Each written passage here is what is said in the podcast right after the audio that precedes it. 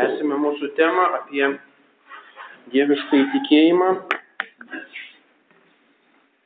Taigi, tikėjimas yra Dievo suteikta antgamtinė darybė. Dievas ją duoda per krikštą draugė su pašvenčiamąją malonę. Taigi, kam yra krikštas, kad apvalytų nuo gimtosios nuodėmės E, ir kad suteiktų pašvenčiamąją malonę. Pašvenčiamoji malonė tai yra sielos pašventinimas, tai yra kaip sielos e, esmės visos sielos e, nuolatinė, nuolatinė malonės būklė suteikiama. O Dievas pašventina ne tik tai pačią sielą, bet taip pat sielos galės, sielos veikimo, veikimo e, galės. Ir Štai tų galių pašventinimas vadinasi darybėmis. Tai yra darybė, yra pastovi tam tikros sielos galios e, švent, šventumas, kuris sieja tą galę su Dievu. Arba žmogus gali, e, jos, jos įgaliotas gali susisieti su Dievu. Taigi tikėjimo darybė suteikiama proto gali. Žmogaus siela turi proto galę Ir pats antgamtinis protas, koks jis būtų genialus, yra visiškai nepajėgus pasiekti dieviškas paslaptis, susijungti su jomis. Ir gali tik tai iš tvarinių labai netobulai pažinti tam tikrus Dievo pėdsakus arba Dievo ženklus, bet negali nieko daugiau apie Dievą pasakyti. O štai tikėjimo darybė lyg atveria visiškai naują perspektyvą mūsų protui leidžia susipažinti su paslaptimis, kurios absoliučiai pranoksta natūrales proto jėgas. Tai yra antgamtinė darybė ir štai ta darybė suteikiama jau krikšto momentu. Tai reiškia, tą darybę įgauna mažas kūdikėlis, kuris yra pakrikštijamas, jis jau turi šitą darybę, tačiau jis dar negali jos praktikuoti, kadangi E, jo protas dar nepasiekė to lygio. Ir kai jisai subręsta, kai jau jis gali priimti e, protingus proto sprendimus, tuomet jis pradeda praktikuoti savo proto darybę. Tada jisai taip pat per katekizmą išmoksta apie Dievo tiesas ir gali tomis tiesomis, tas tiesas įtikėti, jas priimti ir pagal jas e, vesti paskui savo valią arba savo gyvenimą. Paštalas Paulius sako krikščionims, jūs esate išgelbėti malonę per tikėjimą ir ne iš savęs, bet tai yra Dievo dovana, sako Efeziečiams. Esate išgelbėti malonę, tai yra Dievo dovana, ne iš savęs, tai yra Dievo visiškai nepelnytas dalykas, ką jisai duoda - tikėjimą. Tikėjimui reikia ir mūsų valios prisidėjimo. Vadinasi, tikėjimas teikia mums nemažą nuopelną, o netikėjimas didelę kaltę. Mes sakėme, kad tikėjimas nėra vien proto dalykas, bet taip pat ir valia turi bendrauti su protu šitame tikėjimo akte. Ir tai, ką, ką daro mūsų valia, tai yra mums nuopelnas arba dangui, arba pragarui. Mes nusipelnome e, kažką Dievo akise arba užtraukiame kaltę. Ir todėl, sužadindami tą tikėjimo darybę, mes pelnome nuopelnų. Tai yra didžiulis malonės šaltinis. Ir tai reikia prisiminti, tarkim, kai skaitome šventą įraštą, arba kai skaitome katekizmą, arba kokias nors apie tikėjimą knygas, tai mes ne iš savo smalsumo jas skaitome, kad tik tai patenkint kažkokių įdomių detalių, kažkokiamis e, naujais dalykais savo protą, bet visą tai skaitydami turime sužadinti tikėjimo darybę, kad taip Dieve, aš tai tikiu, aš tai priimu, aš pagal tai noriu vesti savo gyvenimą. Ir tada jau pats tas skaitimas, arba tarkim klausimasis pamokslo, arba klausimasis kažkokios, kažkokio kito tikėjimo skelbimo tampa mums nuopelnų šaltiniu. Lygiai taip pat kaip geri darbai, kaip apsimarinimai, kaip malda, kaip visi kiti dalykai. Taigi jau vien tuo, kad sužadiname tikėjimą, galime kažką pelnyti savo išganimui. Tai yra didelis dalykas. Jono Evangelijoje skaitome, kas tiki Dievo sūnų, tas nebus pasmerktas, o kas netiki, jau yra nuteistas. Kas tiki, tas nebus pasmerktas, tas pasieks išganimą. Kas įtikės ir pasikrikštis, bus išgelbėtas, o kas netikės bus pasmerktas.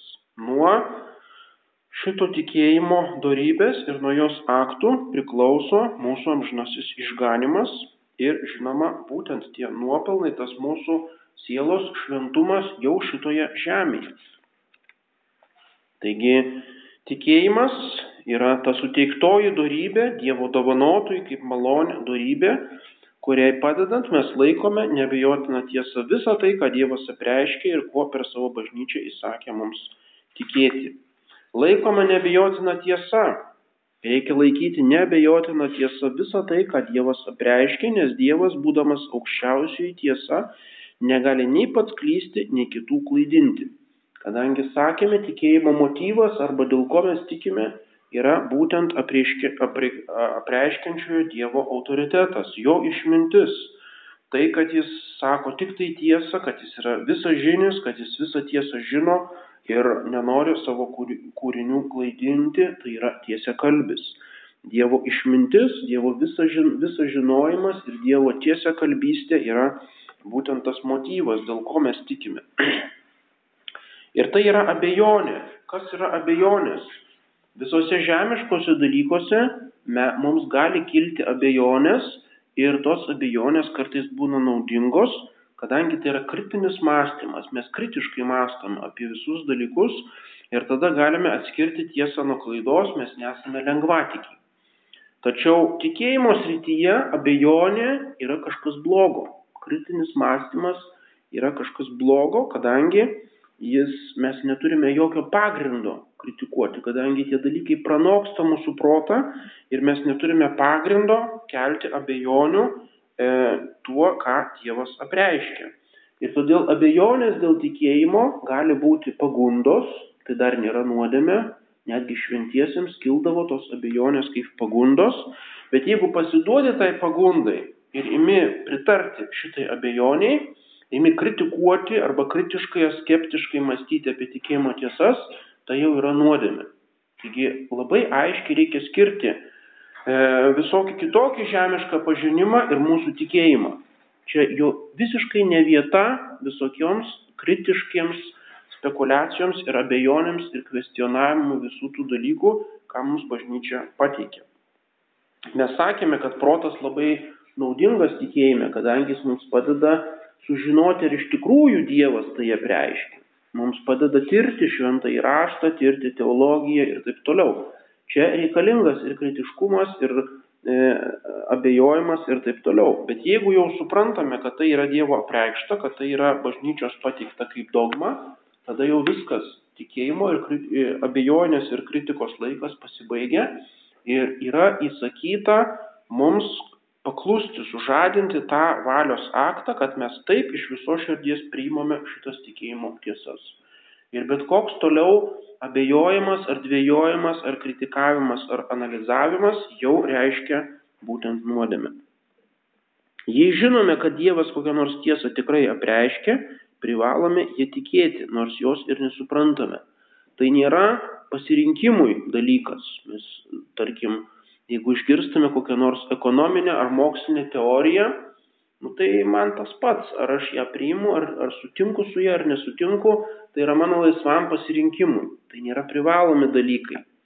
Tačiau tikėjimo srityje, jeigu kas nors yra apreikšta, Dievas neapreiškia tokių dalykų, kurie nebūtų svarbus mano išganimui.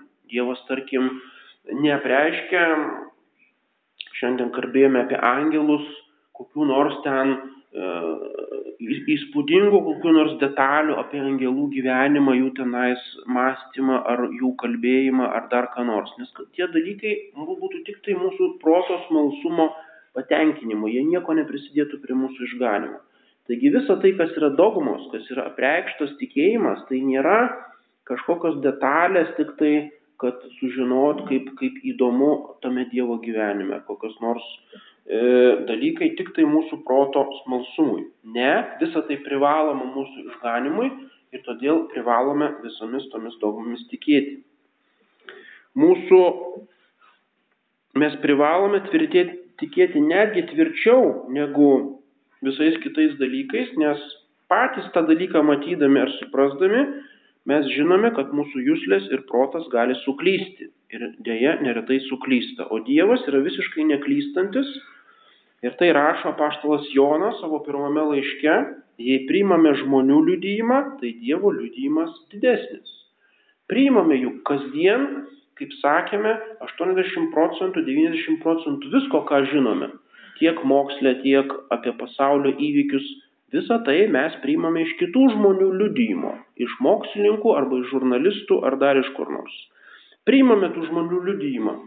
Aišku, galime ne visko būtinai tikėti, bet daugumą dalykų mes tikime, ką išgirstame mokykloje arba perskaitome knygose arba sužinome iš laikraščių. Taigi, žmonių liudijimas gali klysti, tačiau Dievo liudijimas yra didesnis. Tuos dalykus mes taip pat priimame tikėjimu, bet tikėjimas Dievo apriškimu yra didesnis, jis yra absoliučiai kitame lygmenyje. Ir tai pabrėžia teologai, kad tikėjimas yra, nors nesuprantame tų dalykų ir negalime jų pačiupinėti, bet tikėjimo gauta, gautos žinios yra žymiai tikresnės negu bet kokios kitos natūralių būdų gautos žinios. Ką tai reiškia? Tai reiškia, kad jeigu aš kažką išgirstu katekizme iš bažnyčios mokymo, tai tas žinojimas, tarkim, kad Dievas yra švenčiausiai trejybė arba kad Jėzus Kristus prisikėlė, tas žinojimas yra tikresnis negu tai, ką mato mano akis. Tarkim, kad čia popierius baltas, arba tikresnis negu tai, ką mano loginis mąstymas suvokia, tai yra, kad du kartų yra keturi. Tai yra tas akivaizdumas, tikėjimo akivaizdumas yra didesnis negu jūslinis akivaizdumas ir negu loginio proto, loginio mąstymo duodamas akivaizdumas. Toks yra tikėjimo tikrumas. E, reiškia, dėl to turime visiškai tikrai ir be jokių abejonių priimti tą tikėjimą. Ir tai įpareigoja mūsų sąžinę. Ir jeigu nesužadiname to tikėjimo akto arba net sužadiname priešingą aktą, abejonės, pasiduodame abejonėms tikėjimui, tuomet padarome nuodėmę. Reikia tikėti viską, ką Dievas apreiškė. Mūsų tikėjimas turi apimti visą tai, ką Dievas apreiškė mūsų išganimui, nuo pat žmonių atsiradimo iki paskiausių laikų. Kas priimtų vienas tiesas, o kitas tiesas atmestų, tas tikėtų ne Dievu, o tik pačiu savimi ir aišku, tokio žmogaus tikėjimas būtų bevertis arba turėtų tik tai žmogišką vertę. Ir štai dėl to yra tas žodis tikėjimas yra dviprasmiškas. Kalbama apie, įvairių, apie įvairius tikėjimus. Yra katalikų tikėjimas, yra protestantų tikėjimas, yra musulmonų tikėjimas ir visi kažkuo tai tiki ir tada mes visus tuos tikėjimus kažkaip tai suplakame į vieną, vieną lygmenį. Mes galime sakyti, taip, mūsų tikėjimas yra tikresnis, Bet protestantai juk irgi tiki į Jėzų Kristų. Arba musulmonai juk irgi tiki, kad yra vienas Dievas. Reiškia, tai yra, e, tas, ta klaida kyla iš to, kad mes dviejopai vartojame tą žodį tikėjimas.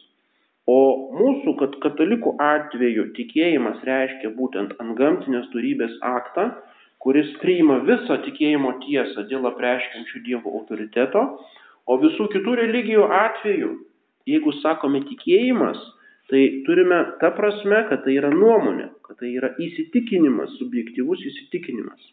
Reiškia, jų autoritetas yra jų pačių subjektivus klystantis protas. Jis pats pasirenka, kas jam atrodo įtikinama, o kas neįtikinama.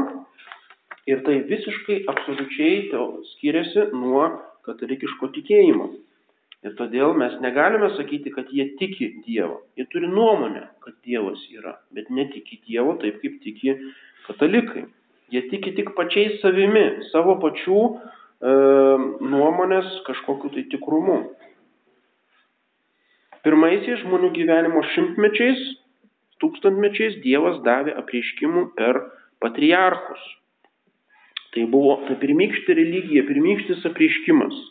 Po to Senajame testamente davė per pranašus ir galiausiai prabilo Naujajame testamente per savo sūnų Jėzų Kristų bei jo pasiuntinius apaštalus. Taigi tas Dievo prieiškimas, visą, ką Dievas apreiškia, turime priimti viską, ką apreiškia per visas tas stadijas, pakopas apreiškimo. Yra pirmykštis apreiškimas, iš kurio nedaug kas žinoma, nedaug kas žinoma, paskui yra Senojo testamento apreiškimas, kurį taip pat turime priimti.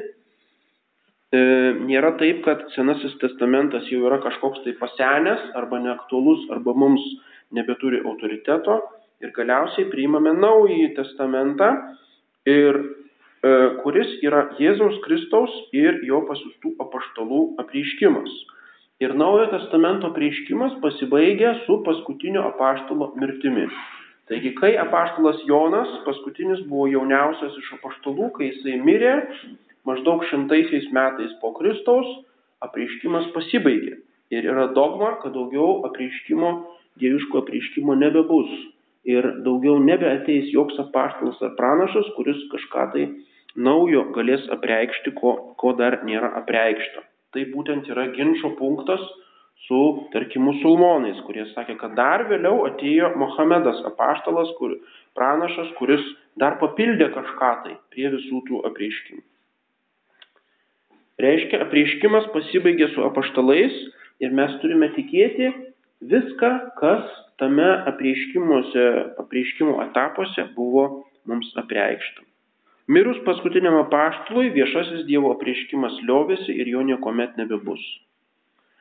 Dievas kartais duoda apreiškimų ir dabar, tai yra vadinamieji privatieji apreiškimai, kurie nieko naujo neįneša ir negali įnešti į tą viešąjį Dievo duotą apreiškimą ir todėl nėra įpareigojimo juo tikėti. Todėl pagal bažnyčios teisę vietos vyskupas yra įpareigotas ištirti privačius apreiškimus ir jisai tada gali pasakyti, kad sprendžiant iš visko, tas apreiškimas yra autentiškas, tarkim, Šiluvoje arba Lurde arba kur kitur, o šitas yra neautentiškas.